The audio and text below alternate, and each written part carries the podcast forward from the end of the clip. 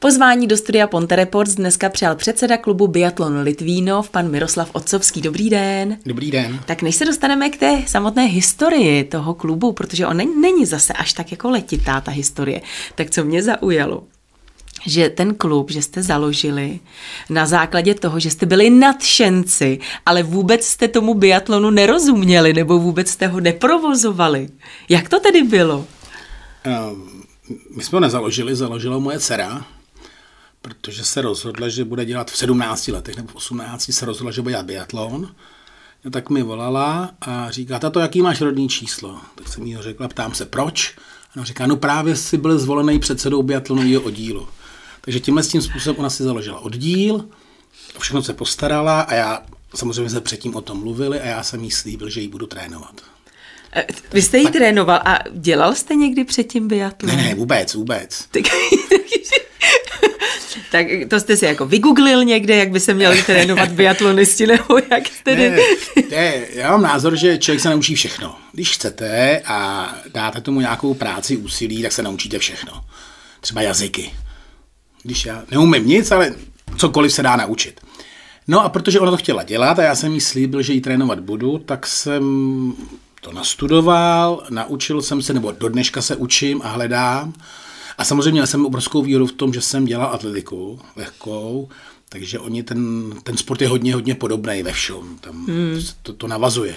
No ale ve své podstatě mm, snažil jsem se, studoval jsem, ona trénovala, Střelba byla nejtěžší, protože tomu jsem vůbec nerozuměl, tak to jsem různě ochukoval, stahoval videa, koukal, jak to dělá Dobrečevová, Koukalová, Vítková a Moravec.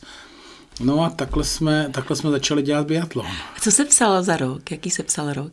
Uh, rok, teďka máme 22, takže v 17. 2017, s tím, že rok jsme to dělali tak jako, jakoby jo a ne, a v roce 2018 jsme to začali dělat naplno. Kde máte zázemí, kde sídlíte, kde trénujete? My žádný zázemí nemáme. My trénujeme, kde se dá. E, máme, měli jsme obrovský štěstí, setkali jsme se s panem Havelkou, což je starší pán z Meziboří, který má na starosti střelnici e, mezi Litvínou a Mezibořím. No a protože se mu líbilo naše nadšení, tak, nám ta, tak nás tam začal pouštět a máme kde střílet. No a zbytek je o trénování vytrvalosti, rychlosti, obratnosti. No a to jsme dělali venku. Tak a než se tedy dostaneme k tomu biatlonu jako ano. takovému, tak teda když už jsme u toho, že jak tedy trénujete, kde ano. trénujete, no tak jaké sklízíte úspěchy? No úspěchy máme obrovský. My jsme, jako je to neuvěřitelný. Eh, my jsme, já začnu trošku ze široka. My jsme byli obrovský exoti. Protože jsme přijeli na první závody a Stýny si tam dělali srandu. Ona to chodínka naštěstí... To je dcera. To je dcera. Ona to naštěstí nevěděla, ale říkali jí tepláková biatlonistka, protože tam měli všichni oblečky a my jsme přijeli v teplákách, že jo. A výkonnost nic moc, ale nějak jsme se zlepšovali, nebo nějak se zlepšovala. A pak byl covid, takže vlastně rok nebyly hmm. závody, ale ona jak je zaťatá, tak uh, trénovala dál, no a loni v létě, v, 21, v, 1, v roce 2021, byly takzvané SCM závody, což jsou střediska SCM, mládež, nějaký tréninkový hmm. střediska mládeže, kde jsou ti nejlepší z republiky. A měli závody a Týna se tam taky dostala na ty závody, no ona vyhrála. To byl obrovský úspěch a překvapení obrovský. Jo.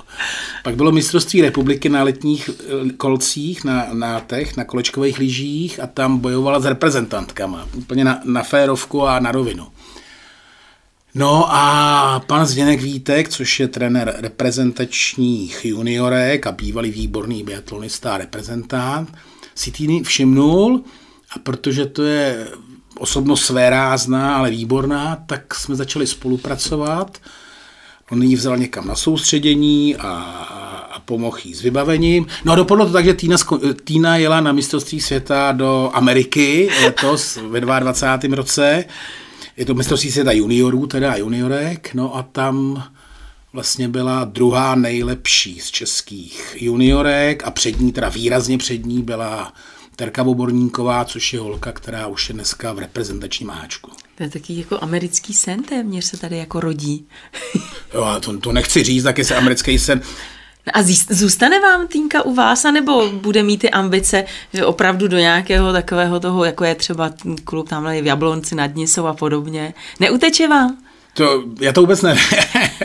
My to nevíme, ale ona, ona studuje medicínu v Plzni a chce jí studovat. A já mám pocit, že ten biatlonový svaz je hodně zaměřený na absolutní soustředění se na ten biatlon. Takže by, oni by samozřejmě chtěli, aby šla do Jablonce, do Nového města. Hmm. Ale ona chce studovat a chce a studovat tak zase na druhou stranu Markéta Davidová taky u toho studuje, že jo? Ta studuje, myslím, veterinu. No, u ní to je právě tak, že ona ji nestuduje, tu veterinu. Oni ji přijeli na veterinu hmm. a ona si studium odložila hmm. právě do olympiády v Pekingu a říkala, že po olympiádě se musí rozhodnout, jestli bude studovat nebo dělat biatlon, protože ten odklad studia jí vydrží právě teďka do letošního mm-hmm. roku. A co jsem četl články na, někde v médiích, tak ona se rozhoduje, jestli bude studovat nebo nebude studovat. Takže můj tajný sen je tak, že Davidová bude studovat veterinu, a řekne, že nebude s ním jezdit na každý soustředění a Týna bude jezdit s ní a bude to výborné. No ale vy ještě nevíte, že Týnka se stejně rozhodne pro tu medicínu, ale to už necháme na ní. Ona, ona, ne, ona chce dělat obojí. Ona tvrdí, že to zvládne obojí. Tak, tak to necháme na týnce. Jasně. Uvidíme. No a kolik jinak uh, členů má v současné době tedy váš klub biatlon? My, my, jsme, my jsme začali Týna plus dva kluci, ty dlouho nevydrželi. Pak jsme navázali spolupráci s oddílem v Teplicích, který dělají žáčky, to znamená ti, kteří střílí ze vzduchovky a molorážkaři k nám přicházeli, takže asi tři nebo čtyři lidi k nám přešli, my jsme s nimi chvilku byli, někdo toho nechal, někdo přešel do, na Gimple do Jablonce, protože šli na střední školu a vlastně, protože to chtěli dělat biatlon a zároveň studovat, tak šli na sportovní gymnázium do Jablonce, kde jsou ve sportovní třídě gymna, uh, biatlonu v Jablonci. A obecně teďka nemáme nikoho, kromě Týny. No a kdyby k vám teď někdo uvidí, uslyší náš rozhovor a bude se k vám chtít přidat, má možnost. No jasně, my budeme rádi. No a co k tomu tedy všeho je, je potřeba? Předpokládám asi tedy běžky, lyže. Jak říká Lukáš Bauer, bývalý reprezentant na běžkách, říká, no, potřebujete k tomu tepláky, kecky a nadšení.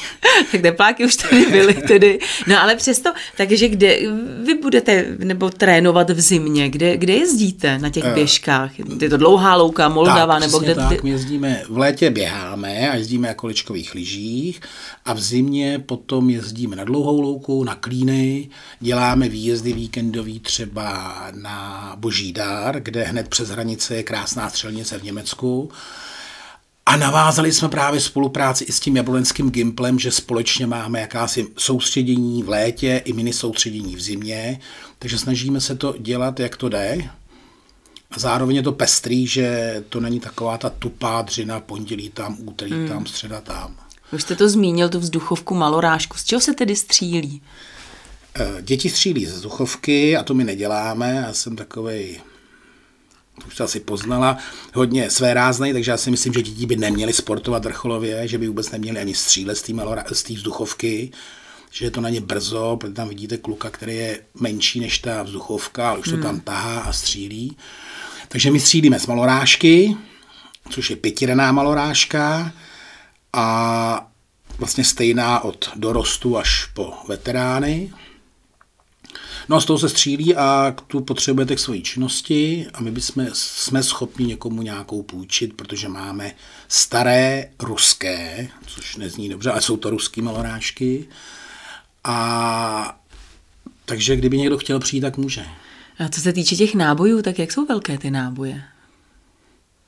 Zhruba. No, kdybych, já mám zbrojní průkaz, ale ty náčí zase nepamatuju, ale dá se říct v průměru 2 mm, hmm. 2,5 mm. Jeden stojí dvě koruny, což vypadá dobře, ale když za trénink vystřílíte 100 nábojů, tak to není nic, to nic levného. Spočítá, no. A je to o práci, no. Prostě a na jakou vzdálenost se střílí? Střílí se na 50 metrů, střílí se ve dvou položkách, to znamená leška a stojka. Liší se to ve velikosti terčů, kde na lešku je 4,5 cm a na stojku 11,5 cm. Co je náročnější pro ty závodníky, leška nebo stojka? Jak kdo, každý to má jinak. Hmm. Někdo umí lešku, někdo umí stojku, někdo neumí nic, někdo umí obojí. Takže je to, je to případ od případu. Teď se zeptám, sam, teď víme samozřejmě, že tam musí být 100%, 100%, ale přeci jenom, uh, jaký by tam měl být ten poměr, protože známe uh, biatlonisty, uh, i ty vrcholové biatlonisty, kteří výborně běhají, ale špatně střílí a pak máme ty, co tak jako běží jakž tak a výborně střílí. Tak asi bude nejlepší, když jako stoprocentně dej tomu běhu, stoprocentně budou střílet, ale přeci jenom, jak je tam důležitý ten poměr? Eh, to se nedá říct, protože eh, špatný běžec nemůže být dobrý biatlonista a špatný střelec zase nemůže být dobrý biatlonista. Je hezký příklad eh, českého reprezentanta Milana Žebličky, řečeného Žemla, který výborně střílí, ale není úplně dobrý v běhu, konkrétně v letošní sezóně. A když se mu zadaří střelba, tak byl třeba do 20. 30. místa ve světovém poháru, ale musí být čistý. A jakmile udělá jednu, dvě, tři chyby, tak se obrovsky propadá. A pak jsou samozřejmě jiní, jako je hm, známý Johannes B., který udělá chybu dvě a přesto to dokáže doběhnout. Takže je to, hm, nedá se říct, obojí musí být dobré. Eh, vy jste tady zmiňoval právě ty děti, že si myslíte, že by vůbec žádné děti neměly dělat takový ten vrcholový sport. Eh, do kolika let se bavíme o dětech, tedy v tomhle případě třeba u biatlonistů? Protože teď se bavíme o náboru třeba, že byste tedy, tak od kolika by měli k vám chodit na ten nábor? opět můj názor, který, který mám jenom já v republice, nikdo jiný, nebo strašně málo lidí.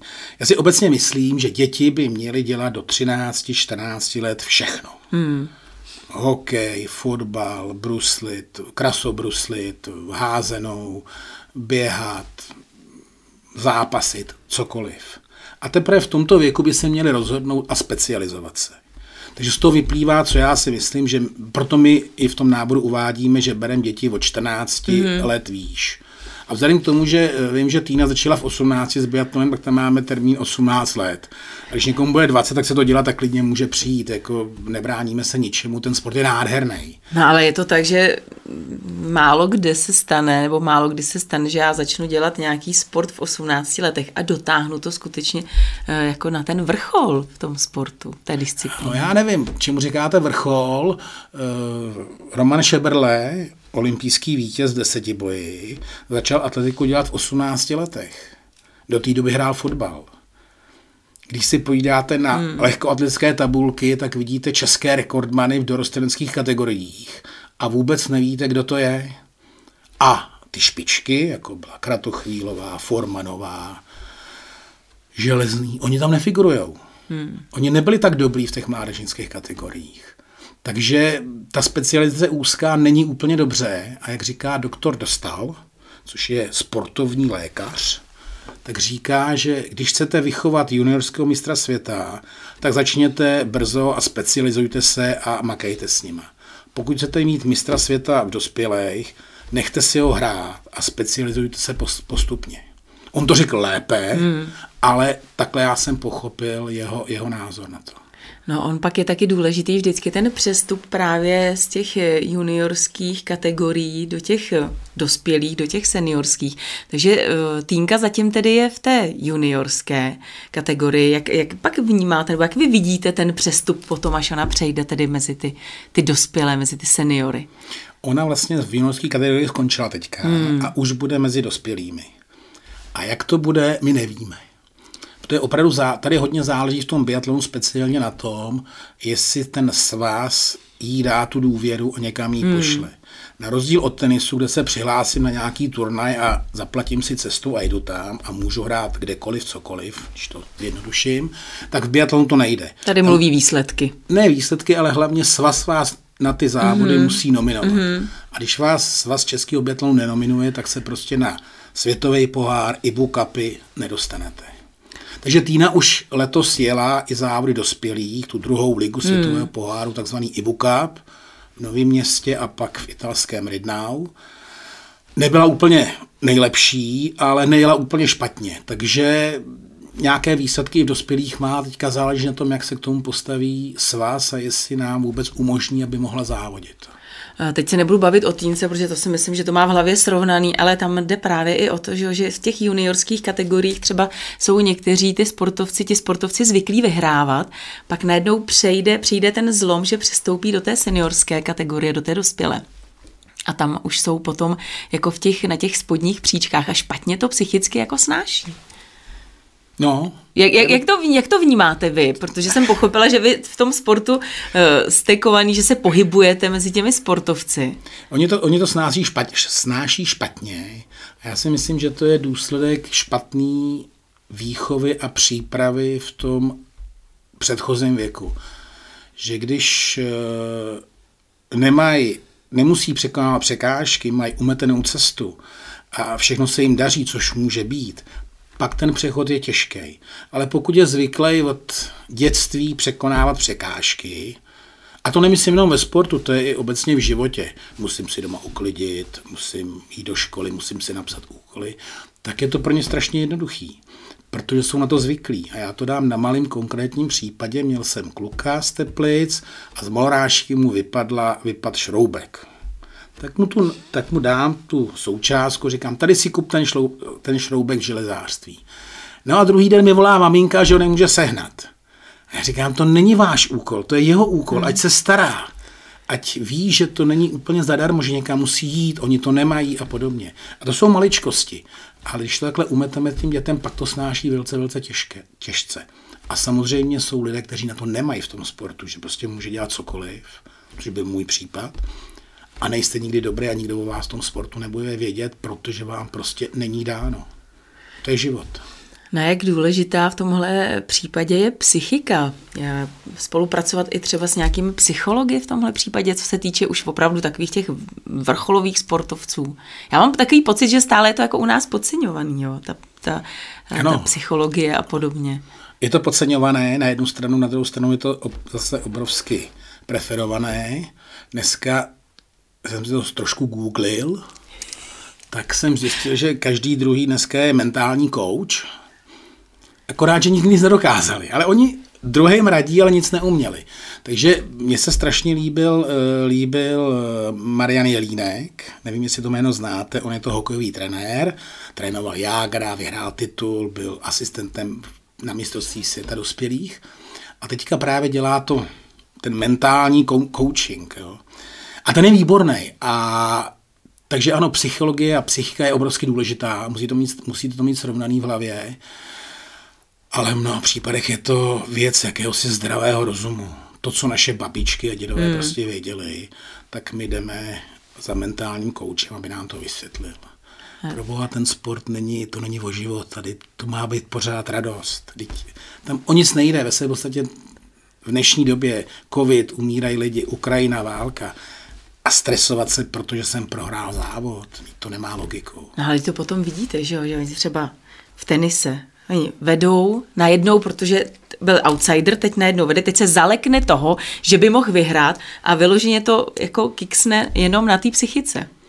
No, na to, na to existují metody, Marian Jelík oni o, o, tom, o tom hodně mluví a je to složitá příprava a někdo to opravdu potřebuje ten Jelínek o tom vykládá, že si musíte udělat jakoby vnitřního oponenta, jestli to dobře vysvětlím, s kterým si povídáte a ten oponent vás jakoby narušuje a říká vám, prohraješ, nedáš to. A vy ho musíte přemluvit vnitřně, v duchu a zatlačit ho, abyste byl pozitivně naladěný na to vítězství. A je to složitý, tak jako hmm. ta mentální příprava je obrovsky složitá, je důležitá, ale myslím si, že se trošičku, trošičku přeceňuje ale zároveň v některých případech a v některých se podceňuje, takže je důležitá, ale... A jak vy třeba v tomhle případě pracujete tedy se svými svěřenci? Já jsem, ze všemi jsem si povídal. Já eh, si myslím, že je špatný trenér ten, který nevysvětlím svým svěřencům, co a proč dělají. Jak jsem někde četl, když trénuješ a nevíš, proč to děláš, a trenér to nevysvětlil, tak ho opust, špatný trenér. Takže mluvit s nimi, aby věděli, proč chodí pomalu běhat, proč najednou běží rychle, proč se musí zadýchat, proč se nesmí zadýchat, proč dělají tohle cvičení a podobně. Takže si s nimi povídat. No. A měl jsem i kluka, který mi nevěřil, protože říkal, ty jsi to, On mi to neřekl, ale myslel si Ty to. jsi to nikdy nedělal, tak, tak jako mi ty nerad, jak já radit? to mám trénovat. Jo. Takže se trénoval sám a já jsem to akceptoval. Prostě chceš to, je ti 16, tak to zkus. A jenom jsem se ho snažil trošku usměrňovat a vždycky říkám, Honzo, to, co půjdeš? A on mi to řekl, říkám, tohle to bys neměl, zkus tohle. A takhle jsem se ho nenápadně snažil ovlivnit, ale ve své podstatě se trénoval sám. A pravda, vyběhl si první výkonnostní třídu v letním biatlonu. První je, pak už je mistrovská, hmm. jenom když máte nějaké tituly. Takže docela úspěch. A docílil ho sám jenom pod mým nenápadným vedením. Takže je to případ od případu. Eh, Máme jaro, takže předpokládám, že sezóna biatlonová už je za námi, tak jenom pojďme krátce schrnout, jaká tedy byla, co se týče toho biatlonového oddílu Litvínov.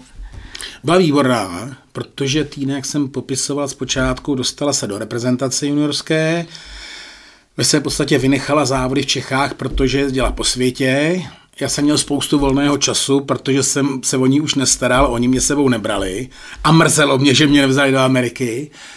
A teďka ona skončila poslední závody, měla někdy v březnu v tom Ridnau Ibu Cup, kde zajela slušně, velice slušně. Teďka má volno, studuje, dohání studijní manko a pomalonku začneme trénovat a připravovat se na další sezónu. A mohou se k vám případní zájemci eh, hlásit třeba i teď, kdyby měli chuť zkusit to? Můžou se hlásit kdykoliv, my je rádi vememe, já se jim budu věnovat, budou někdy trénovat s Týnou, někdy bez Týny, protože ona už je na, na asi na vyšší mm. úrovni, než přijdou tyhle ty lidi. Zároveň hodně trénuje sama, protože je ve škole v, v Plzni, ale já budu strašně rád, protože mám pocit, že jsem se za ty 4-5 let něco naučil a je mi líto si to vzít sebou do hrobu.